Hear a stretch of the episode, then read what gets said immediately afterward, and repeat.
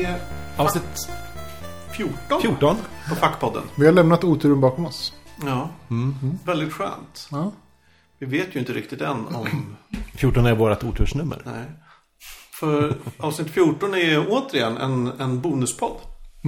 Där vi kände att, eh, fan, istället för att göra en jättelång podd. Så gör vi två lite kortare. Ja, jag, jag tror att vi testar det här konceptet ett par gånger till kanske och ser, utvärderar sen. Ja, Jag tycker det känns ganska bra. Ja. Det som inte känns så bra är ju att nä, ja, nästa vecka när det här, det här avsnittet, om två veckor när det här avsnittet sänds, så då, då har saker hänt som man skulle vilja ta upp och då måste man ta upp det om tre veckor. Ja. Det är lite så här som att man kan inte fråga vad som har hänt i veckan eller aktuella men saker. å kommer andra sidan så om vi bara spelar in varannan vecka skulle det ändå komma om tre veckor. Vi kan säga så här, vi kan fråga våra lyssnare. Hej kära lyssnare. Det är Magnus på Fackpodden som pratar.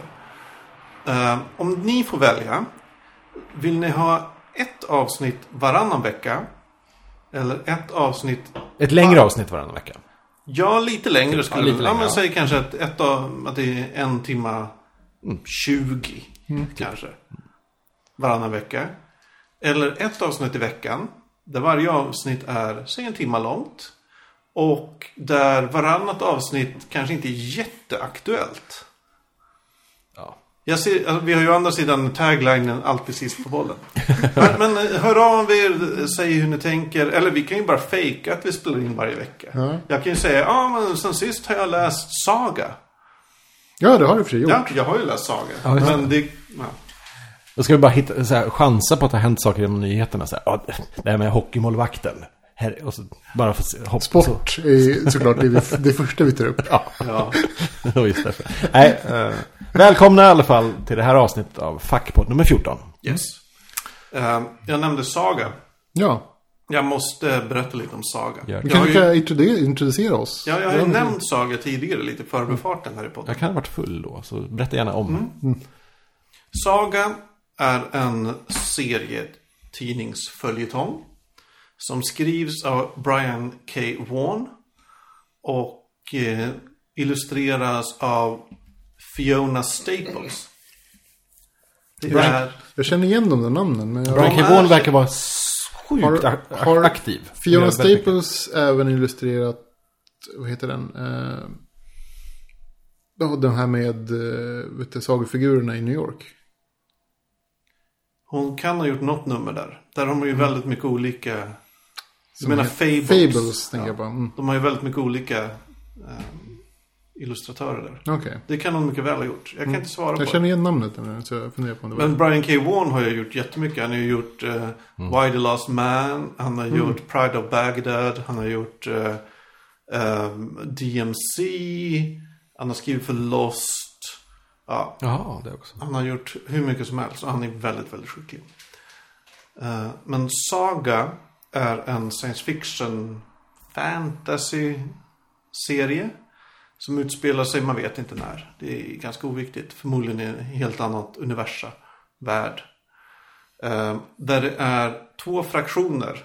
Som har legat i krig med varann så otroligt länge. Så att ingen riktigt minns vad kriget handlar om. Och att kriget numera har blivit ett, ett, ett så här proxy war. Alltså att, att de här olika fraktionerna bara anlitar folk. Och så, så sker kriget jättelångt. Ja men typ som Afghanistan var under kalla kriget.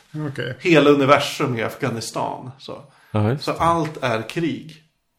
Och det är en fantastisk... Alltså, Men eftersom de hyr ut det här då till, till andra krigare så lever de inte ganska bra då? Eh, Jo, men de är ju ändå i kriget. Alltså, all, man blir liksom rekryterad in i armén. Alla måste vara i armén och så. här. Det är, ja. Eh, så folk har det, ja visst, de har ju det bättre än om de hade varit meniga. Så där. Men i alla fall, i den här uh, yran så är det en liten Romeo och Julia historia. Där en, en man från eh, ena fraktionen som kommer från månen Wreath. Eller man uttalar det. Wreath, som är krans. Liksom. Eh, där de är, använder magi och de har horn. Av olika slag. Vissa har så här enhörningshorn, andra har eh, bergsgetshorn och så här. Ja, det är lite olika. En från den fraktionen blir kär i en kvinna från den andra fraktionen. Som då kommer från planeten Landfall. Där de har vingar och lite spetsiga öron och mer teknik och sådär. Lite coolare Och planet. det här har typ, det har liksom aldrig hänt. Att, att två från olika parter har blivit kära. Och de får dessutom ett barn. Och det har liksom heller aldrig hänt. Förutom i så här, the rape camps. Och där, och där avlivas folk bara. Så, så det här är liksom en PR-katastrof för båda sidorna. Eh, att så här, ja men varför kan det finnas någonting annat mellan de här folkslagen än krig? Och då blir ju eh, det här paret och deras lilla nyfödda dotter Hazel blir jagade av båda sidor. De får lönnmördare på sig och det är liksom allt möjligt och de flyr och, och sådär. Eh, Men när jag berättar det här så låter det ändå ganska... Alltså, det går inte att beskriva hur, hur bisarr och härlig den här världen Nej, är det låter jättetrevligt. i, och, och hur medveten Brian K. Vaughan är om både fantasyns och science fictions eh, klyschor och troper och, och hur det brukar funka. Och hur han ibland så här, ja, men som i början, i början av första eh, numret så hittar, hittar de flygen, de hittar en, en karta. En sån här gammal piratkarta typ. Och så är de på väg att slänga bort den. För men vad fan sån här skit. Nu har vi blivit lurade. Med ett X på. Ja, med ett X på. Herregud. Ja. Och så är det så äh, vi slänger bort den. Så bara, nej men, alltså, alltså följer de den ändå. Och grejen är, om ni har appen Comixology. Jag är lite rädd för den. Ja, den är livsfarlig. För att man köper Men där, första numret i Saga är gratis. Oh. Så är, om ni inte är dumma i huvudet. Så går ni, skaffar Comixology. Laddar ner första numret av Saga och läser det. Ja, vad kostar numren sen ungefär? Vad brukar de ligga på? Ehm, det varierar väldigt mycket. Mellan, ett nummer kan vara mellan 7 och 22 kronor. Kan man låna nummer av sina kompisar på internet? Alltså, alltså i Sagas fall så köp annars får du stryk. Sånt här, det är så bra så det måste uppmuntras. Okej. ja. Okej, ja. Jag, jag funderar ju på, efter att du har pratat mycket om den. Eh, annars så funderar jag ju på att köpa den. Men har- hur många album har kommit? Det har kommit två eh, trade paperbacks. Med sex nummer vardera. Okej. Och sammanlagt så kom nyligen nummer 13.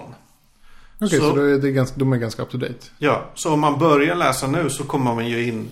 Ja, Det, kanske det är jag- liksom som om du började läsa Sandman efter första albumet. Alltså första albumet av Sandman var inte så bra. Men, men nog... Jag som inte har läst så mycket serier du. Ja. Hur, mycket, hur mycket bang for the buck får man? Hur, hur många sidor? Om det är så sidor på det sättet. Eh, om, ni får, om ni pratar lite om annat så kan jag kolla Ja, upp det det. ganska snabbt här. Jag är lite intresserad också av eh, det här eh, barnet Hazel du pratade om. Som var om, om, det är väl en hon antar jag, som har, om hon har fått, Horn och vingar. om hon är en blandning av sina föräldrar eller är hon något helt nytt. För att man har sett så mycket av eh, eh, alien-varelser som har, får barn med, med människor, vad de... Eh, Typ V. v har vi ju, eh, typ. Men, ja, men det, det kan jag berätta. Ja. Alltså Ja. man vet inte, ja hon är ju... Alltså hela serien börjar med att Hazel föds. Hela serien är egentligen Hazel som berättar. Om sin uppväxt. Och då kan det vara så här... Ja men det är så fantastiskt gjort. Det, det, I början är det så här... Man säger morsan föder henne. Och så är det, säger Hazel med så här... Ja men typ är en ruta eller vad man ska säga. Skriv, så. så bara, "Ah, and this is the way I was born. Och så har Okej. de lite kommentarer så här hela tiden. Ja, eh, och, och här, här växte jag upp. Och så, alltså det är fantastiskt. Det är så otroligt. Jag kan inte riktigt beskriva hur bra det är. Ja, men då testar jag väl det då. Eh, om man köper en, en, en hel volym, alltså en samling, så... Och det brukar vara rubbet av en, av en hel Ja, då- säsong eller vad man kan Ja, det är en läsa. säsong Ja. ungefär. Ja, men då är det typ, typ 150 sidor. Eh, köper man ett nummer i taget så är det ungefär 32 sidor. Och numren kommer en gång i månaden. På tal om eh, Romeo och Julia historier så har jag börjat kolla på en tv-serie som går på SVT. Mm. Som heter Vice and Sea. Som handlar om en liten Romeo och Julia-historia. Eh, utspelas på 80-talet i Östberlin. Vice and Sea. Weissensee. Ja. Finns just nu på SVT Play, tror jag. Ett tag till framåt. Sex Är det avsnitt. den här uh, unga, krigets unga hjärtan som gick förut? Nej, nej det är det inte. Nej. Det är en helt annan. Det är någon slags eh, eh, historisk drama. Skulle man kunna säga. I, ja. Det utspelar sig i 80-talets Berlin, Östberlin. Och det, det ser väl väldigt likt, så som jag har fått det berättat då. då. Eh, att det är liksom så som det såg ut i 80-talets Östberlin. Okej. Eh, och så väldigt snyggt gjort och sådär. Och en väldigt intressant historia. Man blir hookad. Eller jag blev hooked ganska snabbt. Den. Värt att kolla på. Sex avsnitt finns på SVT Play. Eh, avslutas tyvärr lite så här att man vill ha lite mera. Men jag antar att de gjorde någon upplägg inför säsong två. Får se om det kommer. Men eh, tyska tv-serier, varför inte? Ja, jag har ju många För att kompisar det är tyska. Men okej. ja. Det är ju åtminstone inte danska. Nej, men jag, jag har flera kollegor i alla fall som, som uh, svär vid tyska tv-serier. Att Nej, this, det- this is where the shit is Det happening. känns, okej. Det känns långt bort för mig, men... Ja, men, det, är- det är där de, det är alltså riktigt, riktigt bra drama görs just Ja, nu. ja men den, den, den, var, den serien är riktigt, riktigt bra faktiskt. Och skådisarna är mycket bra, tyckte jag. Alltså, det var väl någon skådis som jag tyckte kanske ja, saknade lite trovärdighet. Men de andra skådisarna var riktigt, riktigt, riktigt bra. Och historien är väl kanske inte den mest spännande så, fast man blir ändå liksom intresserad och hooked snabbt in i historien. Det var bra. Nice. Lätt att kolla. Coolt. Ja. Det ska jag. Eh, Har jag något att eh, bara sådär i förbifarten säga? Nej, men jag, jag, det är eventuellt så att när, när eh, det här avsnittet har kommit ut så har jag eventuellt börjat medverka i någon slags skapelse av ett tv-spel. Eh, Jaså? Oj, nu vart jag intresserad. 16, någon slags 16-bitars spel. Det är eh, fortfarande... Ja, nej, men jag har blivit... Det är eh, dubbelt så bra som åtta bitar. jag har blivit eh, uppmärksammad och på- påkallad på att eh, vara delaktig i någon form av spåneri och eh, ja, att utveckla någon slags story kring ett 16-bitars spel. Det, ja, det, det kanske faller eh, för mig, för min del. Det kommer definitivt bli någonting, men vi får se. Intressant. Det här får du hålla oss en Jag tror inte jag kan säga så mycket om det alls. Jag vet nästan ingenting, men Ah, vi kanske inte får säga så mycket heller. det tror jag inte. Nej. Okej. En annan sak som jag inte får, jag kan lika gärna ta på en gång. Jag tror inte, jag vet inte om jag får säga någonting om, men jag har, jag har nämnt det på Twitter som en lite kul grej. Eh, om det, ja, man, på Twitter så finns det en snubbe som, som kallar sig Genusfotografen. Han har en bra sajt. Ehm, eh, där han tar upp ja, bildspråk och, och hur, hur män och kvinnor porträtteras. Framförallt kanske kvinnor eh, i dagens samhälle. Jäkligt intressant och eh, viktigt. Sådär. Han hade ju ett inlägg i våras som handlade om eh, en dansk tidning som eh, handlar om fiske. Men som också blandade in en massa nakna kvinnor. Fisk och fri eller vad heter, något sånt där heter den. Um, vilket är helt, helt bisarra bilder på, på nakna damer och eh, fiskar helt enkelt. Eh, så laddade upp alla de här bilderna i ett blogg, blogginlägg. Ehm, och eh, blev ganska snart upp, ja, kontaktad av de här danskarna som inte tyckte det var så roligt. Och bad dem att ta bort dem för att de har faktiskt rätt till att använda dem. Även fast de har länkar till dem. Alltså, det är väldigt, väldigt mycket gråzon där. Var det länkar till deras sajt? Nej, hade han inte bilden upplagd på sajten? Jag tror han länkade först och sen tog de bort länkarna och sen, ja, hur som helst. Han bort upptäckte i alla fall att i, i Sverige råder olika lagar för papper och internet. Ja, man säger så. det var väldigt intressant, precis. Eh, han har alltså inte ett, vad heter tillståndet man har? Om det hade varit en tryckt, Eh, utgivartillstånd. ja, det, Något sånt. precis. Då hade han kunnat gjort det hur, hur lätt som helst, men det gäller tydligen inte på internet. Skittråkigt, men kul ändå, för att han tog bort bilderna och så bad han sina läsare att eh, eh, tolka de här bilderna helt enkelt. Och eh, då fick jag tips av kompis att det ska du göra. Och då fanns det några bilder som var lediga och så tog jag en, och så gjorde jag en, en, eh, en illustration som motsvarade en av de bilderna då. Ehm, och det fick ju lite uppmärksamhet, det här blogginlägget sen med alla, med alla de här bilderna och det, folk tyckte som att eh, det här borde verkligen ställas ut. Så att, eh, och det är det här som jag inte vet om det är officiellt än. Å andra sidan är det ingen som lyssnar på den här podden. Eh, så det gör inte så mycket. Eh, nej men så det, det ska bli någon slags utställning i september. med de här, alla de här remixbilderna helt enkelt. Intressant. Så, Vart då? Ja, jag har glömt vad det hette. Något ställe. Jag kan Okej. återkomma. Ja, En annan av mina kompisar, Mia, eh, Mia Coldheart på Twitter. Ja, Hon också Ja. eh, gjorde en av illustrationerna. vad roligt. Så- Det var ju ett 30, 20-tal någonting, 30-tal kanske, bilder som... Du får hojta till så vi kan komma på vernissagen. Ja! Och ja, äta chips och dricka Ja. vin. bag-in-box. Äta fisk. kanske blir. Vernissage. Fiskporrutställning då i september någon gång. 12 september har jag för mig. Ja, Fantastiskt, vad, vad kul. det blir roligt. Ja, Men vad kul att du får liksom bli utställd. bli utställd. Äntligen Med en bild. det erkännandet. Med en bild på en fisk och en halvnaken tjej. Ja, det, ja, det, det blev så. Det, det var det mitt liv blev. Ja. Det var det du hade tänkt dig. från 50 början. minutes of shame. Innan vi går vidare skulle jag vilja bara ta upp en till serie jag läst nyligen. Jag skulle säga om det finns två serier som nu levande människor bör läsa. Eh, som alltså, Som nu levande människor bör läsa eller som nu levande människor har gjort som man bör läsa. både och. Okej. Som eh, två, två serier som publiceras nu och som man bör läsa. Okej, ja. Mm. Då Den första är Saga, den är avhandlad. Den andra är Matt Fractions Hawkeye. Ni vet Hawkeye, snubben från Avengers som eh, skjuter pilbåge. Mm, just det.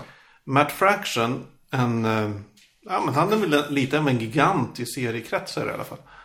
Eh, har gjort en serie som heter Hawkeye. Tror det eller ej. Och så... nej, nej men den inleds här med, han har skrivit, det är bara så här, en, en disclaimer i början så här. Ja, eh, han är världens bästa bågskytt. Han är en medlem av The Avengers. Och den här serien handlar om vad han gör när han inte jobbar för The Avengers. Okej. Men vad handlar den om då? Första avsnittet är det, är det liksom så här en liten hyrestvist i hans bostadsrättsförening. och så visar det sig att det är, ja, men det är lite, så här, lite skumrask-snubbar som så här försöker sälja det här för att att vräka folk, sälja lägenheterna och, och liksom tjäna pengar. Som, så som händer på riktigt just nu i Stockholm till exempel. och och så, så blir han inblandad i det här. Och, så, och, det, det så, och ett, ett avsnitt handlar om att att, att han sitter i sin lägenhet och så här, håller på och sorterar sina gamla så här, spe, special effects-pilar som han använde förr i tiden. För han har ju haft under liksom Avengers eh, run, de Avengers kom ju vad på 70-talet kanske. Så har han ju haft jättemånga här, nätpilar, limpilar, explosiva pilar. Så sitter han och sorterar de här. Så, ja. Nej, men det, det, det är så här väldigt vardagligt Men det är också historia som behöver berättas. Det är som, ja, vem bygger alla Batmans prylar och så här. Vem Ja. gör alla de här grejerna? Jag vet Någon- inte om den behöver berättas. Men det är så fantastiskt Jo, men att på ett den sätt är berättas. det ju- Alltså jag tycker den låter extremt intressant. Ja, det. och, och vad jag har förstått när jag läst lite om det här är ju att eh, folk hatar Hawkeye. Alltså sen tidigare hatar Jo, folk han har väl varit lite... För att han är en sån jävla tönt. Han, han är liksom en snubbe som kan skjuta pilbåge. Och så ska han liksom vara på samma nivå som så här Tor och Hulken och sådär. Att det blir en sorts diskrepans. Han är kan bara vara så bra på att skjuta pilbåge. Jag menar, Ja, exakt. Du, du skjuter pilar. Ja, vad, vad mer? Man kan bara göra så mycket med en pil. Precis, exakt. Nej men då ser du det här och så, ja, han liksom, ett avsnitt är att han måste rädda en hund som har blivit påkörd. Nej, men det, det är fantastiskt. Hawkeye of Matt Fraction. Eh, gillar ni inte Saga så vet jag inte varför ni ens existerar. Eh, men då vilket- testa då Hawkeye of Matt Fraction och se om ni gillar den istället. Ja, Ja, den andra serien som jag skulle rekommendera är ju... Vi har pratat om den förut, BPRD. Som är ju eh, Bureau of Paranormal Research and Defense. Pratade om det för två avsnitt sen tror jag. Eh, det är ju Hellboys liksom spin-off.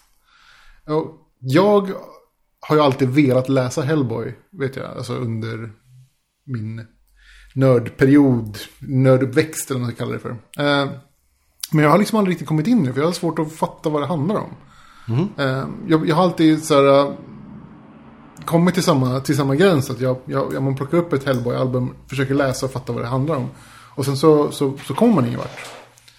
Eh, men jag har ju kommit fram till att vad, vad, vad Hellboy är, det är eh, Mike Mignola som tar ett gäng alltså så sagor och liksom så mytologiska berättelser. Och sen liksom berättar dem igen fast han stoppar in Hellboy också. Det här har du berättat tidigare i denna podd. Har jag det? Ja. Okej. Eh, om vi tar det här vidare till BPRD då. Vad, vad, vad BPRD är, det är apokalypsen. Alltså jordens undergång. Fast man stoppar in liksom ett, ett eh, FBI liksom. Som försöker motarbeta det här. Och, och det blir liksom så här helt fantastiskt med, med referens, referenserna. Med liksom, det finns referenser till Cthulhu. Till, till, liksom, till, till Bibeln. Till, så det finns så ohyggligt mycket referenser. Och allting går liksom åt skogen för att det är liksom apokalypsen som händer. Eh, och hur, liksom, hur folk kämpar liksom, för att försöka få motverka den. Och liksom, vad som händer när, liksom, när till slut det kommer en stor demon. Som står liksom, i, i Kaliforn, en kalifornisk strand liksom, och så sprutar ut eh, ja, så sporer som förvandlar folk till, till, liksom, till groddjur. Vad gör man liksom? Då försöker de spränga den, men det går ju inte bra. Den är ju, alltså, ja, det är fantastiskt. Ja, Jag, har läst första två albumen tror jag i BPRD. Ja. Men jag känner att jag måste läsa mer. Ja, Och eftersom det nu är så lätt att köpa serier på Comixology och läsa min iPad. Alltså jag, jag kan bara säga att det är så sjukt lätt. Alltså det är läskigt lätt. Jag vet inte hur mycket pengar jag har gjort av med det här. Men det drabbar ingen fattig. Det drabbar. Men om, jag, om jag ska säga, om, om man gillar Cthulhu, alltså typ Hop- H.P. Lovecraft. Om man gillar eh, typ 20-tals, alltså 18, sent 1800-tals, tidigt 1900-tals liksom, skräck. Om man gillar liksom, mytologiska berättelser så ska man absolut läsa BPRD. Tycker man ska Absolut. läsa allt som Mike Minola någonsin varit involverad i. Ja, alltså, jag, jag vet inte Jag riktigt. kan ju om jag- rekommendera hans avsnitt av, eh, hans nummer av eh, Conan tv-serien. Eller inte tv-serien, Conan-serien. Oj. Eh, jag kommer inte ihåg vad det hette. Skitsamma, google it. Jag, jag skulle till exempel kanske inte rekommendera Hellboy för alla. För att jag, jag vet ju att så här, om, om det handlar om referenser som man själv inte är, liksom med på så är det inte himla roligt att, liksom läsa. Nej. Men, men BPRD absolut. Hur var det Ivan? Du eh, ville prata om... Du hade något Jo. du tänkt på? Jo, jag, det är en sak som jag, jag skrev det på Twitter, vet jag. Eh, jag funderar på eh, nörd-Achilles. Alltså det, det som jag själv, eller som ni själva känner att ni är riktigt dåliga på. Men som att man känner att man, fan det här borde man veta mer om. Eh, oh, det känner jag om så oerhört mycket. Det var inte svårt att komma på, hitta på exempel kan jag säga. Nej, Nej, jag kan, känna, jag kan känna att jag borde veta mer om Star Trek. Du, du kör på en, okej, vilka... Vad, Jag ska bara köra. Kör. Kör. Ja, jag bara kör. Ja, men Star Trek tycker jag absolut jag borde. Jag har inte sett ens hälften av all Star Trek. Eh, science fiction i allmänhet. Hard sci-fi. Alltså, Alistair Reynolds borde jag veta mer om. Jag borde läst mer av av William Gibson. Jag borde ha... Jag borde, jag borde ha läst mer Steven Donaldson om man tänker fantasy. jag tror du skulle gilla William Gibson. Ja, Men jag har ju läst en del William Gibson och jag gillar det jag har läst. Men jag har ju inte läst allt. Och han har ju ändå inte gett ut så mycket. Jag, alltså nästan all, alla ämnen, alla nördämnen vi kan komma in på så känner jag att jag brister. Alltså på riktigt. Men du kan snackar mycket, Tolkien. eller mycket om lite. Jag, jag skulle säga att, Jag min, säga att att min, my- lite. Lagom om mycket. min kunskapskurva är väl en så här, vad heter det, Bellkurva. En sån här normal fördelningskurva. En normalfördelningskurva. Att det är, Ja. alltså, alltså en kulle. ja. Och Men så är det väl för alla, ska jag tro. ja, men jag skulle säga vissa har mer...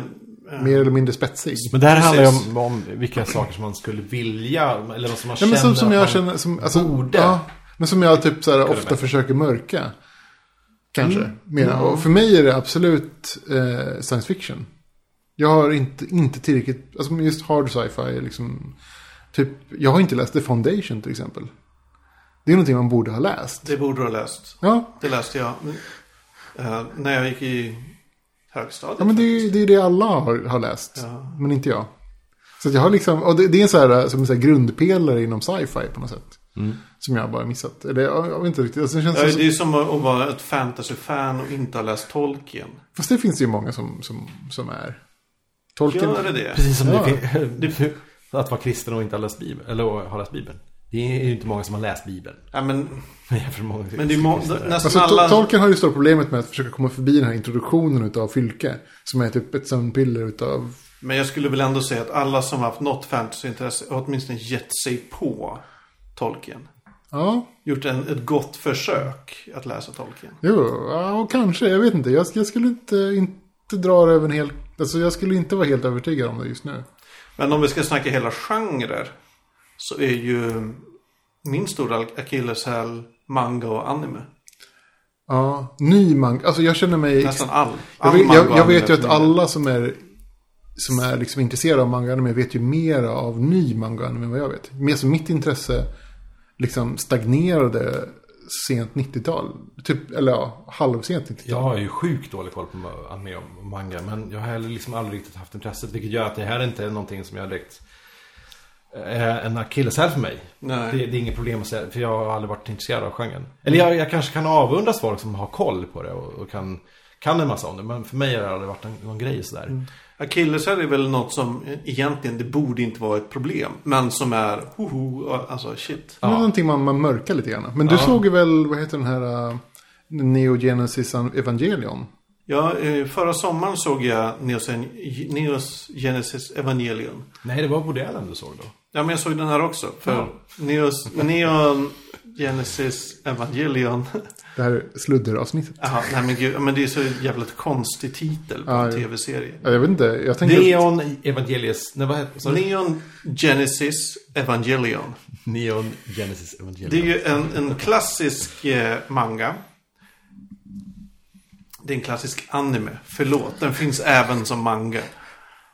Eh, som, vad ska man säga, den är, det är inte ett stort åtagande att se den. För det är typ 12 avsnitt och de är 25 minuter långa vardera. Men den är tydligen stilbildande och jada. Och Men det är väl jätterobotar? meta. Och den tar, den tar hela jätterobotgenren och vänder den på ända och allt vad det är. Jag tror kanske för att uppskatta den riktigt måste man vara väldigt insatt i just Jätterobot. jätterobot-anime. Eller anime i allmänhet. Jag vet inte, jag, jag har ju tänkt att man kanske måste se typ Macross om man ska liksom kunna... Ja, det är också en sån här uh, jätterobot-serie. Som oändligt stilbildande också. 80-tals. Grejen med, med Neon Genesis Evangelion, eller Eva som den kallas, är ju att den är så extremt flummig. Den börjar som en sån här, åh, super-aliens attackerar vår, vår jorden. Vi måste eh, försvara oss med de här jätterobotarna.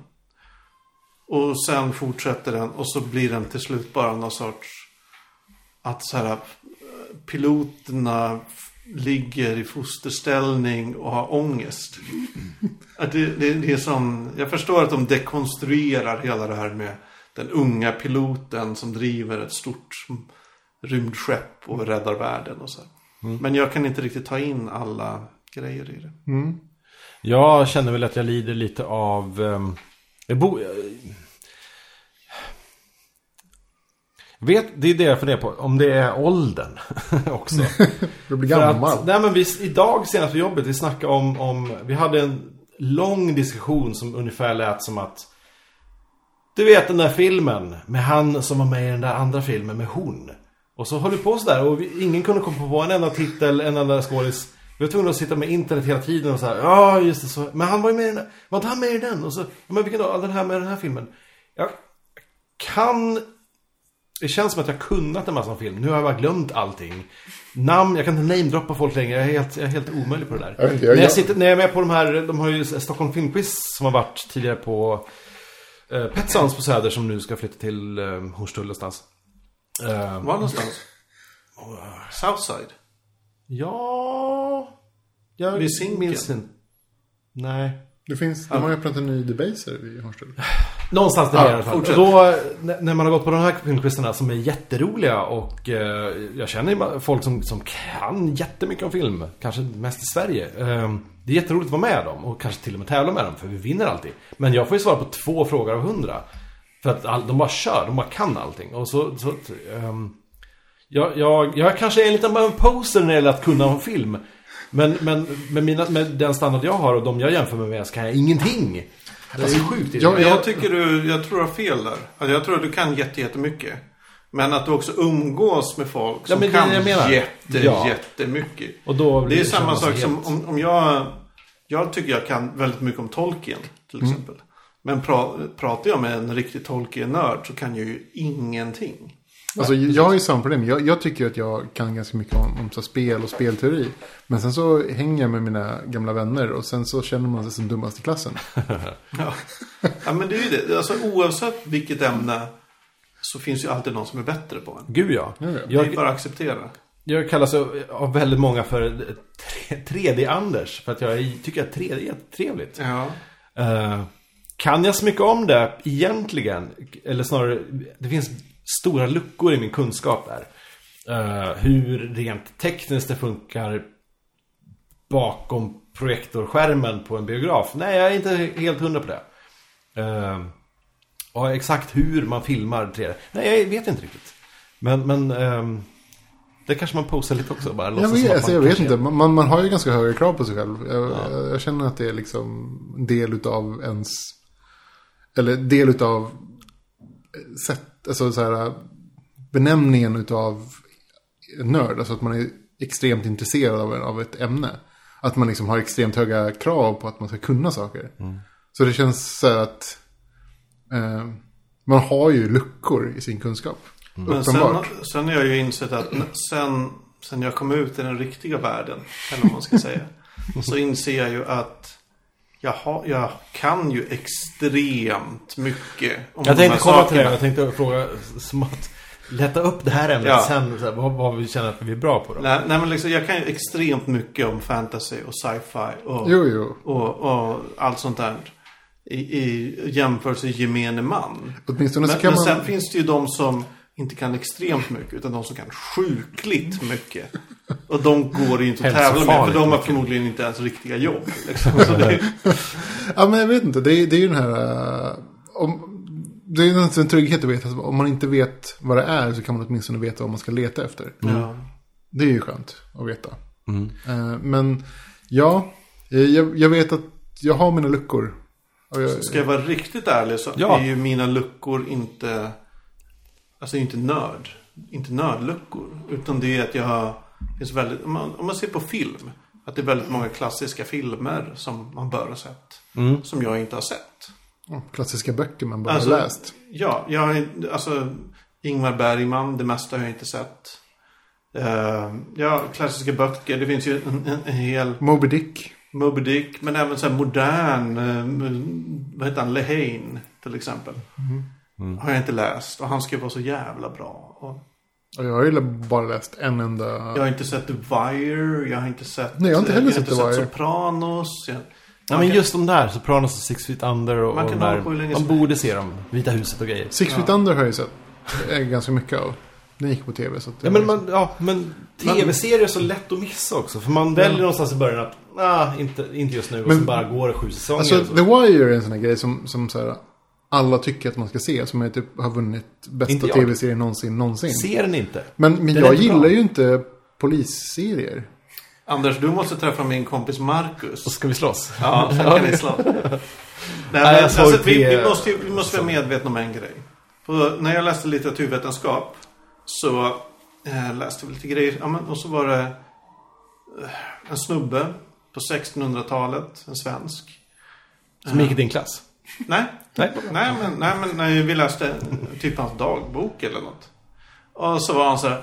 Ja, men nu har jag läst allt som finns. Vad ska jag göra nu? För han levde i en tid där man kunde ha läst allt som finns. Fast- alltså på riktigt läst allt Fast det kan som ju finns. han inte ha gjort. Jo. För att då Jo. fanns ju inte infrastrukturen att flytta böcker. Det fanns ett exemplar av en bok. Man har väl läst allting som finns i, Han måste i Sverige. på- Ja, han hade läst allt som fanns okej. i Sverige.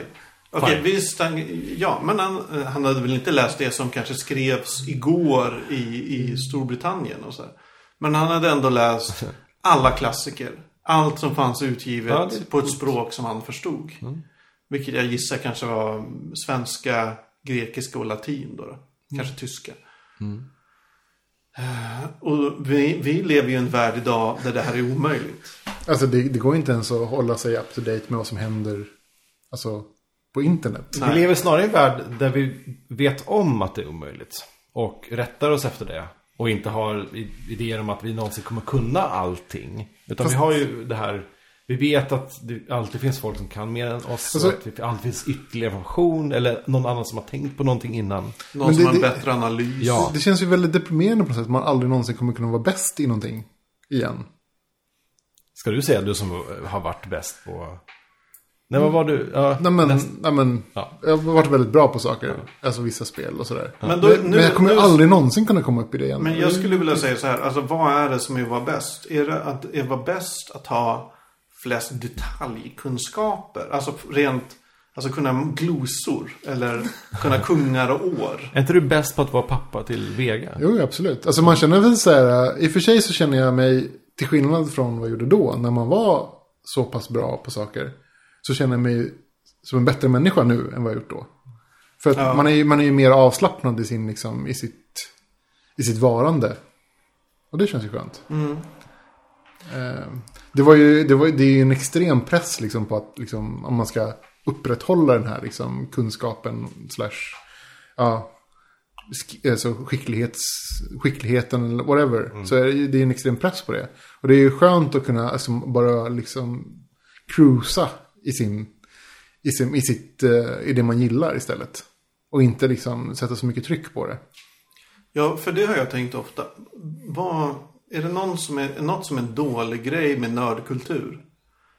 Så är det What's up with the jävla prestationsgrejen? Varför måste man tävla? Nej, det Och måste man det, inte. och det gäller inte bara när, jo, men det okej, olika sorter. Men det gäller ju även om vem har sett flest filmer? Vem har sett bäst filmer? Fast, fast har jag, sett... nu, Men nu, jag, jag, jag som knappt läser en annan bok. Och ni pratar om böcker hela tiden. Jag sitter inte och känner mig mindre. Nej. Ja, jag borde också. fast jag, jag känner mig... Nej, Det är vad det är. Men det tyder ju på att du, du har ett ganska bra självförtroende.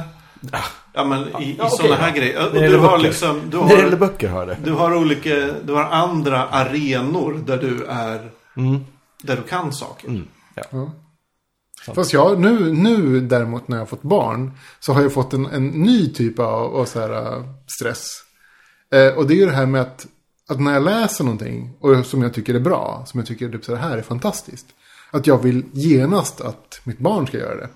Vilket är svårt för hon är vad, ett och ett halvt Ett och ett halvt, så det Ja. går ju aldrig. Men, och då blir det så här, men typ så jag har ju, jag har ju liksom, alltså tre, alltså jag har ju så mycket böcker. Som jag tycker att så här, det här borde hon läsa för det här är så jävla bra. Det här är liksom fantastiskt, det har ju format mig som person, bla bla bla. Ja, Men, men det kommer ju aldrig funka. Hon kommer ju välja sina egna böcker. Jag troligen kommer hon tycka att allt du gillar är töntigt. ja men det är ju så. Ja, antagligen. Ja men fantasy det är ju så det- pappagrejer. Jag känner den stressen. Min syrra har ju två barn och eh, hennes äldsta fyller sex just. Och jag, jag försöker alltid ge dem, pressa, pressa liksom dit teknik och sådär grejer. Som de kanske eventuellt är lite för unga för, men ändå eh, måste ju sätta igång och hålla på med. Surfplatta, eh, äldsta grabben fick en eh, digitalkamera av mig nu. Liksom. Det tycker jag man ska ha när man är sex. För att är, man kan börja ta bilder då. Man Ja. kan hantera teknik. Ehm, Men det, det är ju den här att man, att man vill på något sätt så här här, får ni en PS3 av mig. Alltså allt det här man själv liksom älskar och verkligen går upp i. Att man vill liksom föra det vidare på något sätt. Och att det känns jobbigt att det finns så mycket av det. Att det tar en sån jävla tid. Jag kan, min pappa, tror jag, ville föra vidare till mig sin passion för, för båtar till exempel. Och, nej men, och, och så här att, men vi hade ju en, en gammal träbåt när jag växte upp. En, en Sigge Pettersson som sen brann upp. så. Men eh, jag tror han försökte överföra sin, alltså den kärlek han kände för så här båtar och även så här bilar och, och kunna laga och, och den frihet det gav att ha en båt och sådär. Men det, det föll ju dött. Alltså jag var ju så... Idag ångrar jag mig att jag inte var mer intresserad. För det hade varit fantastiskt att bara... För Ja, ja, men sig- vi fixar en båt. Så, här, så åker vi ut och så kan jag hantera en båt. Är Helt hur som helst. Min morfar byggde fioler och eh, då när man var hemma hos morfar så var man väldigt noga med att inte röra fiolerna när han var i rummet. För då visste man att ja, då får man ju en timmes lång lektion i hur man spelar fiol. Och en gång stod jag och la med den där fiol, en fiol och så här, vet, gjorde något ljud. Han bara rusade fram och liksom Nej hördu, du så här ska du hålla. Och så skulle man hålla och så här, spela och man skulle vara, ja, det var stressigt. Och då, ja. Han var ju en fiolnörd. Ja. Jag tror det, det handlar mycket om att föräldrar är dåliga pedagoger. Ja. nej, nej men alltså de... Nej men absolut, man, kan inte, man, kan, man har ingen distans till det man gillar. Nej. Det finns inte en chans på att jag liksom kommer någonsin ha en distans till typ såhär, säga typ såhär, jo men du kan väl läsa det här om du vill. Jag tycker att det är ganska bra. Utan jag kommer vara typ såhär, läs, läs nu! Ja, och, och vid, vid, den, vid den, när, hon, är- när Vega är så gammal att hon kan börja ta egna beslut. Då har du tjatat sönder henne om det här. Antagligen, ja. Ja. Så då kommer hon vara helt så här, nej, ja, men, nej jag, jag gillar det här nu där man injicerar eh, mikrochips i ögat. Så kommer hon vara. Framtiden. Ja. Ja, Ja, det är men det, är- det är ändå väldigt fascinerande. Ja. Fan, vad sant. Det kommer ju bli så. Ja, ja. Och jag ser så mycket fram emot det, men det kommer bli lite mer krock. Vi tror ju att vi har koll och att vi, vi skrattar åt våra föräldrar kanske, Ja. att de inte har koll. Gud vad vi kommer bli uppskattade. ja när vi är 70 Är det att jag bast. ska få barn? är det rädslan för att bli utskattad? Ja, men när vi är 70 bast, då kommer vi sitta där och så kommer, ja men, ja, men typ Vega. Eftersom jag aldrig kommer ha barn så kommer Vega komma hem till mig för att lära mig hur man kopplar in det här neurojacket i husets I huvudet? biometriska nätverk och så här. Det är ju Ja. så det kommer bli. För Så kommer hur- så här klaga till mig. Typ "Mm, mm, mm. ja. måste jag åka dit igen? Ja, han luktar illa och han tar på mig. Så här, det, ja, det kommer inte funka. Det är fantastiskt. Mm. Ja, jag, vet inte, jag, jag ser fram emot framtiden. Helt klart. Jag jag, med. jag tror att, alltså jag, jag ser ju fram till att få någonting alltså så här, som chockerar mig. Man är Jag så ser fram himla... emot framtiden, det kommer bli en t-shirt. Kanske det. Jag Nej, så här, jag, jag tänker mig, alltså, jag, jag vill att ha någonting som chockerar mig. För att det, det var fan länge sedan alltså. Som liksom det var någonting som var så här uh, banbrytande, chockerande som jag typ så här, oh my god, det här är helt sjukt. För mig, man letar efter de, de, de små eh, fixarna, kickarna. Och då är vi tillbaka till avsnitt 12, när vi pratar om Oculus Rift. Jag hoppas att den grejen kommer chocka mig lite i alla fall. Springa Man kommer stå där och vara shit, det var ju bra det här. Och sen typ känna Alltså jag, jag, tror- jag hoppas ju också kick- på det. Jag tänker mig att 3D-tekniken borde ju ha växt liksom. Mm. Alltså från det jag upplevde på mitten av 90-talet. Till det som finns, alltså till det som kan göras nu. Ja, men det är självklart att det har. Men grejen är väl om det har... Råd. Nej, men att det har blivit så bra. Ja. Är väl, det, är väl liksom... jag kommer, men förr i tiden, jag kommer ihåg att eh, när jag köpte mitt första 3D-grafikkort. Voodoo, eller vad det hette. Ja, ja. Just det. Då blev jag ju helt paff över hur så här, shit, man kan inte ens se pixlarna. Så här, att grafiken blev så jävla mycket bättre tyckte man. Det var, Första gången jag sp- spelat eh, tv-spel. eh, Jag hade, var, var liten och spelade C64. Och sen gick jättemånga år när jag inte spelade så mycket spel alls. Faktiskt. Jag har inte spelat så mycket sp- spel. Eh, så var jag hemma hos en kompis och han hade köpt en Playstation 1. Playstation. Ehm, och han- han visade mig Tomb Raider. Och det var... Det var det mest, det var det mest verkliga jag varit med om. Ja. Ehm, jag blev på riktigt jätterädd. För det var en stor dinosaurie som bestod av typ tre fyrkanter ungefär. Eh, så jag var rädd på riktigt. Det var det verkligaste jag varit med om. Och jag bad dem att så här, spela in det här på VHS. Så jag kan se det om och om igen. Så gjorde han det. Ehm, och idag, att se på de här grejerna är ju... Nej men det är, ju- jag, jag minns ju när jag spelade Final Fantasy 7 första gången på Playstation. Det var ju också, det var ju också så här, nej men nu, det kan inte bli bättre. Det kan inte bli snyggare. Det här är ju helt galet hur snyggt det här är. Det funkar inte liksom. Och sen vet man ju, alltså två år senare fanns det något snyggare. Men vad jag tror är att vi, om jag nu ska om vi nu ska börja prata om så här, vad var så härligt med vad vår generation.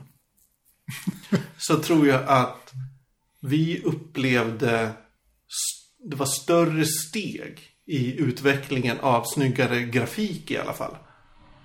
Eh, när vi var, säg 15 till 20. Ja, än vad det är absolut. nu. Ja. Att nu är det mycket mindre, ut- det utvecklas fortfarande väldigt mycket. Men att det, det är liksom mindre steg. Det inte, går inte från 9 bitars till 3D liksom. Alltså nu till min födelsedag så fick jag lite presenter av mina föräldrar och sådär. Och av min pappa så fick jag ett, en bunt serietidningar som han hade köpt i Sydafrika. Och det var serietidningar från, eh, som sträckte sig från 1951 till 1981 ungefär. Lite så här olika. Och där var det så här, och se- serien i sig är ju inte så intressanta för mig. För att det var sådana saker som jag inte riktigt är så intresserad av. Eh, men, men reklamen däremot. reklamen var helt fantastisk. Och i, i, i de här från 80-talet så är det reklam för eh, Tron the Video Game bland annat. Okej. Och också Dungeons and Dragons the Video Game. Gjort av Sega och jag vet inte vad.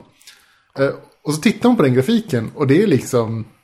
Det, det är ju fyrkanter som, som bluppar på en, på en skärm. Ja. Och det är liksom tryckte de på en serietidning för att visa upp hur fint det var. Ja. Det är helt sjukt. Men grej, så görs det ju fortfarande. Så görs det med film, så görs det med ja, allt visuellt. Och så vet man att om tio år kommer det här se för taskigt ut. Jag är förvånad att, att det inte görs mer retro. Eh, För vi är ju så fascinerade. Vi har växt upp med klassiska reklamfilmer. Ehm, och, och, och, så, och klassiskt så här, bildspråk som kanske inte... Det skulle funka så bra att återanvända det bara. Och häromdagen så såg jag, jag är inne på mitt spår här. Eh, här- Häromdagen såg jag ehm, på YouTube så var det ett eh, välkänt rakhyvelsmärke som, som körde en reklamfilm. Som var hela filmens, åt, och en klassisk 80-talsfilm. 80-talsreklamfilm som de bara plockat upp igen. Um, bara för att de har, de har fattat grejen att, att, så här, att köra retro utan att liksom så här vinkla till och göra något coolt av det. Utan bara så här. För att alla fattar märket. Um, kommer jag lite off topic där? Nej, nej, absolut inte. Jag bara funderar på vilken, eh, vilken reklam, om jag, om jag har sett den själv. Ja, Jag det är väl en det. 45 sekunders uh, Nej, jag tror inte jag har sett den. Ja, intressant. Ja.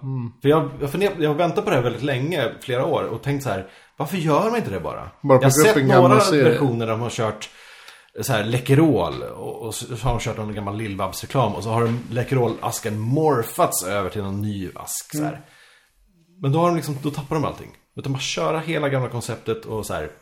Ja, vi fattar. Jag kommer ju fortfarande gå och köpa Gillette. Ja, alltså man, det är bara, Ja, det är bara- det är bara märket man är, liksom vill, vill presentera ändå. Mm. Inte vad det är för, för pryl. Jag känner ändå att jag tappar tråden. Ja, jag vet inte. Jag, jag, eh, som sagt, jag ser fram emot framtiden. Kan trycka på en t-shirt. Jag ser inte tillbaka till, till förr. eh, Tillbaka till framtiden. Nej, Jag har en annan sak jag skulle vilja prata om. Ja. Ja. Lite grann. Eh, det, det har med rollspel att göra. Men jag tänker även att det är både papper och eh, ja, tv-spel, dataspel. Det är att i rollspel så är klass nästan helt osynligt. Att det finns inte klass. Som i att med ekonomisk klass med eh, att man har ekonomiskt olika förutsättningar och sådär. Jag kommer att tänka på det här rätt nyligen när jag satt och läste ett nytt svenskt rollspel som heter White Hack. Eh, Som är en remix av gamla Dungeons and Dragons regler sådär. Att där är, och i, och i nästan alla pappers, penn och papper-rollspel jag någonsin spelat så är det så här att för att till exempel bli magiker eller för att bli en, en lärd man eller för att bli en präst eller vad det kan vara. Så det enda som krävs är att du har säg 18 i intelligens. Det enda som krävs är att du själv når upp till målet. Når upp till de här kraven. Eh, Medan det i verkligheten, för att säga bli en präst eller kanske en magiker. Det är att du är uppvuxen i en miljö där du dels ens får tanke på om jag kanske kan bli en magiker. Eller där ja, jag kanske kan bli, bli en, en så här munk. Att, att klass är så osynligt. Men Det, om, om man säger så här, om, om du ska bli en magiker, vad, vad krävs? Ja, det kanske är att du kan läsa. alltså det, det är väl mycket, jag, jag tänker nu, alltså i de klassiska rollspelen är det mycket Ja. för att de är gjorda för en viss, alltså publiken tillhör ju samma liksom, eh, liksom eh, hur ska man säga, klass, alltså ekonomiska klass. Mm. Så att det finns liksom inte, det, det tänket är ju inte ens, Exakt. inte där, för för att det är ganska generiskt, man, man tilltalar en publik som är, ser likadan ut. Det är lite Eh. det jag är med om. A- Eller det är lite det jag menar. Att, att klass bara blir... Alltså det är om, om normalt när man är rollperson, oavsett om, nästan om det är pappersrollspel eller, eller uh, datarollspel. Är det så här, ja, men först gör du dina, får du dina stats. Så här, ja, men hur intelligent är du? Hur stark är du? Hur smidig är du? Sådär. Sen går du vidare till så här, ja men är du en krigare, är du en magiker, är du en tjuv eller vad är det? Och så väljer man det. Ja, jag är, jag är en eh, magiker, okej. Sen går du vidare till kanske några ytterligare steg. Och sen i slutet är det så här, ja men vad har du för samhällsklass? Eventuellt, det är, på de flesta ställen finns det inte ens det här. Och då är det så här, ja, nej men, och så kanske man, åh jag blev överklass. Så här, åh jag blev lusfattig. Och det, i, i verkligheten hade du kanske varit, om man nu ska prata verklighet i de här termerna. Men hade du varit en lusfattig, född av lusfattiga föräldrar. Så hade du aldrig ens fått möjlighet att typ lära dig de här tre språken som krävs för att du ska kunna bli en magiker. Men det är väl den här äh, tanken kring, vad det heter nu, trans någonting, feminism. Alltså det- där man tänker sig att det är inte bara liksom kön och, och liksom, det är också klass och liksom ekonomisk bakgrund som har liksom en effekt kring vad du blir för person och vad du har för möjligheter och hur du blir bedömd utav, utav din omgivning. Tänker du, vad heter det? Intersektionalitet? Inter, intersektional, intersektionalitet, precis så heter det. Ja, Eh. det är ett nytt modord jag inte hört Oj, nej, för jag att, alltså, tre månader sedan. jag Jaha, hört alltså det. är typ en av de första grejerna man, man får lära sig när man läser Vegas första ord. Nej, när man läser om eh, genus. Okej. Som sagt, jag kommer inte ihåg. Det var det första avsnittet jag pratade om att jag tyckte det var jobbigt att jag inte kunde någonting om genus. Ja. Jag, har, Ja, go- jag, har, jag har numera googlat. Ja. Intersektionalitet har jag uppfattat via Twitter. Okej, ja. Och där ty tycks det mest användas i meningen att Jag tycker det Ja används... men du vet inte Ja, men om det här. Det är precis det jag Alltså, säga. Jag tyckte att det används mest som ett slags slagträ. Klart. Ja, Som typ såhär, du kan ju ingenting om det här. det Din- finns inget jävel. konstruktivt i Nej, intersektionalitet. nej, men intersektionalitet handlar ju om att man liksom... Eh, man, man alltså korsar idén kring, kring genus och, och klass. Liksom. Ja, att allt hör ihop. Att, alltså, att Det, en alltså person... Både din, din hudfärg, din, din eh, ekonomiska, eh, dina föräldrars ekonomiska sits eh, och ditt kön. Allt är liksom, och, och om du är enbent till exempel. Självklart. Allt hör ihop. Det är ganska självklart när man är tänker det på det. Eh, Och att då det är meningslöst att bekämpa en, en fördom nästan. Det är meningslöst att bara inrikta sig på feminismen. ja, men typ så här, För vi, det hänger ihop med så mycket ja, annat. men typ så här, vi bekämpar för att... Ja, vi säger att vi bekämpar liksom patriarkatet rent allmänt. Men vi bekämpar inte klassamhället. Så, så kommer vi fortfarande ha liksom ett, en, en obalanserad liksom, samhällsstruktur. Ja. Men, men det, det jag är ute efter är ju lite att eh, om man tänker så här så är ju alla rollspel ja, men, även säg Dragon Age och sådär. Det är ju alla rollspel en, en ren meritokrati. Ja. Det är bara din egen prestation som betyder någonting. Allt, inget annat har någon relevans. Är, det, är det inte möjligt att införa eh, då lite mer i spel att eh, ha någon slags social statusmätare? En transsektionalitet. Her, ja. Ja. ja. Men, Eller spel där det verkligen betyder något om man börjar som fattig. För Mm, om man, om jo, man men återigen, precis. återigen Dragon Age. Där är det ju så, man kan börja som de här fattiga alverna som lever i städer till exempel. de, Men det är ju bara, det är bara window dressing som det heter. Det är bara gardiner. Det, det är liksom bara en, en kulisser. Det Fast- spelar ingen roll. Dragon Age, Du kommer jag... ändå bli den här mäktiga, mäktiga alvkrigaren till Fast slut. Dragon Age är väl byggt ganska mycket kring Dungeons and Dragons konceptet. Alltså att man slår ihjäl saker och snor deras prylar. Ja, Vad nördiga ni är. Ja. Ja, men det, och det är så här, den tanken kring att man liksom slår saker som är onda inom, liksom, parent, inom så här, uh, quotations. ja.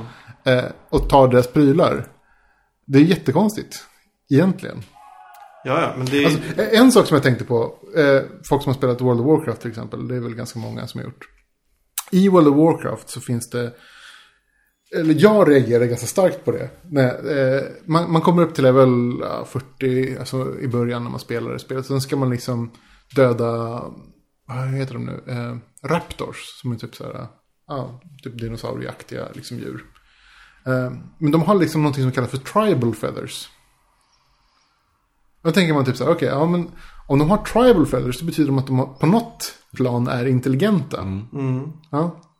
Eh, Det betyder att, som, att de har ett, ett sam, en samhällsstruktur som kanske inte är helt fullt utvecklad för att de bor fortfarande ute i skogen och liksom har sina ägg mitt i det vilda och bygger inga hus. Och liksom, men de har tribal feathers, de har alltså till, en tillhörighet i en gruppering.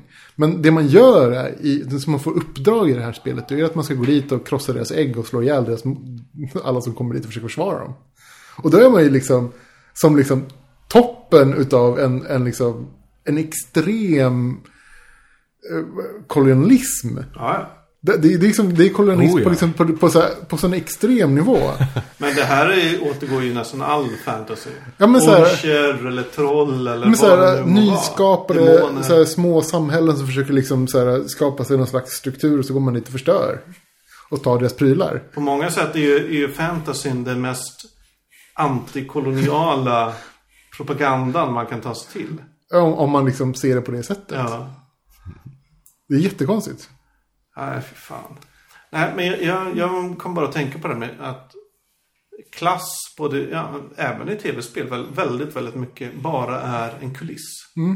Att det, det är sällan man börjar... Jag kommer ihåg till exempel när Fables 2 kom. Då skulle det vara så här, åh, men det är som Charles Dickens i en fantasyvärld. Men det är det ju inte. I Charles Dickens så är det fattiga människor som är fattiga och har det förjävligt. I Fables 2 var det en, en unge som var fattig och sen blev typ Gud. Så. Men det känns samtidigt som det måste finnas massor med som tv-spel. Ta till exempel Grand Theft Auto-serien. Där man i princip alltid börjar, börjar som en thug. Och kommer till en stad helt ny och fresh. Och sen arbetar man sig uppåt till man är kingpin i princip. Ehm, och det är ju egentligen bara ett socialt statusspel. och Ja, ja där är det ju bara en, en, meritokrati. Fast Det är bara dina prestationer. fast där klättrar man ja. ju inom sin egen sociala hierarki. Ja, det är sant. Även om du är en kingpin så är du ju ändå ett, en, ett svin. Alltså en trasa. Ja, ja. Ja. Ja, absolut. Det är ju så intressant. Det har jag faktiskt inte tänkt på. Jag kom på det nu, tack. Ja, det är bra. Ja. Ja, jag, jag vet inte. Jag, jag tänker mig att det är för att man, alltså. Ofta när, när, jag- när jag liksom har sådana här diskussioner kring genus och kring klass och sånt där. Så är det så, är det så ofta man måste, eller som, som det missas att det är liksom vem, vem det är som tilltalar vem. Vem det är som, som, som liksom ska, ska säga någonting till vem som ska ta emot det. Och, och, den, Sant. och den skillnaden i, den, alltså i kommunikationen är ju extremt viktig. Alltså Och- i pappersrollspelens 80-tal var det ju en medelklass som kommunicerar med en medelklass. Precis. Och, eh, och det, är väldigt, det skulle vara väldigt svårt att det skulle vara liksom en, en medelklass som, som kommunicerar med, med, en, med liksom arbetarklass. Eller ja, vad det nu skulle kunna vara. Det skulle, ju, det skulle ju vara väldigt svårt att lansera ett pappersrollspel som där man kommunicerar med liksom uteliggare. Ja, men även, ja det skulle vara omöjligt. Men och, och dagens dataspel och tv-spel är väl också mest medelklass som kommunicerar med medelklass. Det är lite tråkigt när man tänker på det så, men ja. Ja. Men ja, fast det, det gäller ju att ha det i åtanke också när man, när man, när man analyserar liksom det som pågår. Och vad det är liksom som vi pratar om. Mm. Det är för, för mycket av, av liksom det, alltså populärkulturen här handlar ju om en medelklass som, alltså den breda massan som tilltalar den breda massan. Och det blir ju just nu medelklassen som tilltalar medelklassen. Inte, någon, alltså inte så mycket annat. Är det något speciellt som ni känner att ni vill eh, så här, avråda från?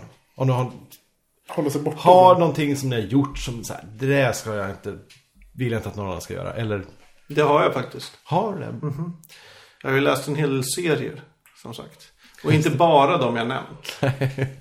Jag har även läst, läst en hel del eh, Marvel-serier från tidigt 90-tal. Av, skrivna av Jim Starlin. Eller något sånt där, tror jag. Eh, det handlar om eh, till exempel The Infinity Crusade. The Infinity War. Eh, ja, lite så. Det är epos, är inte det? Epos. Han skrev en hel del epos. Även den klassiska Infinity Gauntlet skrev han. Som jag tror jag nämnt tidigare. Ehm, skrev han i början av 90-talet. Och det här har blivit lite klassiker. Och de är helt värdelösa. alltså helt värdelösa. Så fruktansvärt tråkiga serier har jag aldrig läst i hela mitt liv. Vad ska jag avråda från? Jag kan avråda från att titta på Elysium faktiskt. Tror jag. Nu har jag, jag har ju sett den. Och vi såg den för ganska många veckor sedan. Typ premiären. Eh, och jag har tänkt på den. Och ju mer jag tänker Inga på spoilers, den, desto sämre blir den. Faktiskt. Ja. Den är Det är vad jag har hört också. inte så bra som den borde ha varit. Mm. Det, det, dumheter på dumheter. Missar i liksom... nej. I, ja, nej. Åh, Nej, vad jobbigt. För jag såg så mycket fram emot den. Jag tycker Ser den, är ett ganska bra exempel på en, en, eh, nischregissör som tvingas in i Hollywood-systemet. Nej, Tyvärr. inte ens till sån. Åh. Tyvärr. Alltså, de hade kunnat gjort det så bra. Om de bara hade vågat. Men, men eftersom de ska liksom täcka så, så mycket folk som möjligt. Så en bred massa människor som ska, som ska liksom, eh, ja, gilla det här. Så, så, så är det ingen som gillar det. Istället. Tråkigt. Ja. Lite Men- samma sak med Pacific Rim och... Fast Pacific Ja, Rim- tag Pacific Rim var ändå- in i det här. Pacific Rim kunde jag se som en slags pastisch på, på 80-talsserie. För de, de hade ju samma grejer. Det var fortfarande så här. äh, Samma, samma liksom utveckling i så här fighterna. Med liksom att så här, äh, efter ett, så, varför plockar du inte fram specialattacken på en gång? Bara, Nej. nej. men det gör man på slutet. Dåligt. Det, var, det, ja, det håller inte. nej, Det håller inte. Det var dåligt. Pacific Är är Transformers dåligt. en pa- pastisch också? ja, nej, det kanske inte var så Alltså bra. pastisch i all ära, men en pastisch ska ju ändå på något sätt... Lim, Leverera. lim till någon Ja. slags Ja, nej, okej, okej, den var faktiskt inte så bra. Nej, men, men, jag tyvärr, men, men jag tyckte Elysium var sämre. Wow, okej. Tyvärr. Ja, jag tyckte Elysium var bättre. Kan jag säga direkt. Ja, ja, ja. Jag ska se dem och uh, ge den en fällande domen sen då, för vi, det, ja. Vad- Men innan du går vidare så vill jag bara säga eh, han som gjorde Elysium och Dizzy-Knam, vad är det han heter? Eh, Blomkamp. Blomkamp. Kamp. Han ska ju nu göra en, lågbudgetfilm som heter Chappie. Som verkar, jag vet, den verkar handla om en robot. Jag vet som en hund. Ja, Chappie. Kom igen, Chappie. Chappie heter den. Den har fått distribution men det verkar ändå vara en väldigt låg budget. Ja, vad roligt. Så det- det, han sa det här, han har ju sagt det här, är, det här var min Hollywood. Han gjorde ju ändå District 9 så att han kan, han kan ju göra sjukt bra saker. Ja. Så länge han kommer bort från Hollywood-systemet. Ja, tror jag. Jag tror det. vi väntar alla på att, jag väntar i alla fall på att Michel Gondry ska komma bort från Hollywood och göra musikvideos igen. Hur som helst. Eh, nej, men jag vill starkt avråda från att spola ner plasthandskar i, ja, i toaletten. För vad som händer då är att det blir stopp. Eh, det här har hänt i mitt hus. Och det har inte hänt mig, men ja, det har hänt en granne. Och det blir stopp i avloppet och eh, om man då åker på semester som min granne gjorde och, eller fortfarande är på, han har inte kommit hem än. Han vet inte om det här ens. Eh, väldigt konstigt. Så, så, så rinner det över i toaletten och eh, tills att det börjar rinna ut i, utanför port, dörren helt enkelt i, från lägenheten och grannar Det rinner ut i trapphuset. Det rinner typ ut i trapphuset och eh, lägenheten får totalsaneras. Och allting på grund av ett par plasthandskar. Eh, så för guds skull, spola inte ner sånt skit. Använd inte toaletten som ett sopnedkast. Och man vet inte vem som har spolat ner dem. Nej, Men bara det, vem fan spolar ner det är plasthandskar? så sjukt. Men det finns tydligen folk som gör det och eh, det kan vara någon av våra lyssnare så att jag vill säga det. Det kan vara det. Men jag har ju hört tal- när jag... Möjligheten finns. Möjligheten. När jag Om, det, om, du, om du som lyssnar, om du är en av dem som spolar ner. Nej. då jävlar. Precis. Ja, men folk spolar ner det mest bisarra grejer. Tamponger, bindor, Djur. eh, blöjor, Mm. djur. Varför? Därför folk tänker inte längre än att jag måste bli av med det här. Nej. Ja, ja, man har ett magiskt Ja, Viss, viss, gammal mat spolar jag ner. Ke, så här gammal keso i en burk. Ska jag hälla ut i... Nej, jag, då spolar jag ner det. Det kan man göra. För det det, känns ju som... eh, bara. Ja, precis. Konstigt. Jag har aldrig spolat ner keso. Hur kan du ens ha keso kvar? Det äter man väl upp dag ett? Varför köper man keso? Nej, det är jag vet inte. jätteäckligt. Keso är jättegott. Håll. Det är det man kommer på och så har man inte ätit av det så man inte. Nej, men eh, gör inte det. Ta hand om soporna. Källsortera för guds skull. Var, var snäll mot naturen. Köp ekologiskt! Och framförallt var inte ett jävla pucko och spola ner plasthandskar Nej. i toan. Nej, fan. Eh, Fackpodden. Nummer 14. Alltså, är det det det här? Tack för Ja, oss.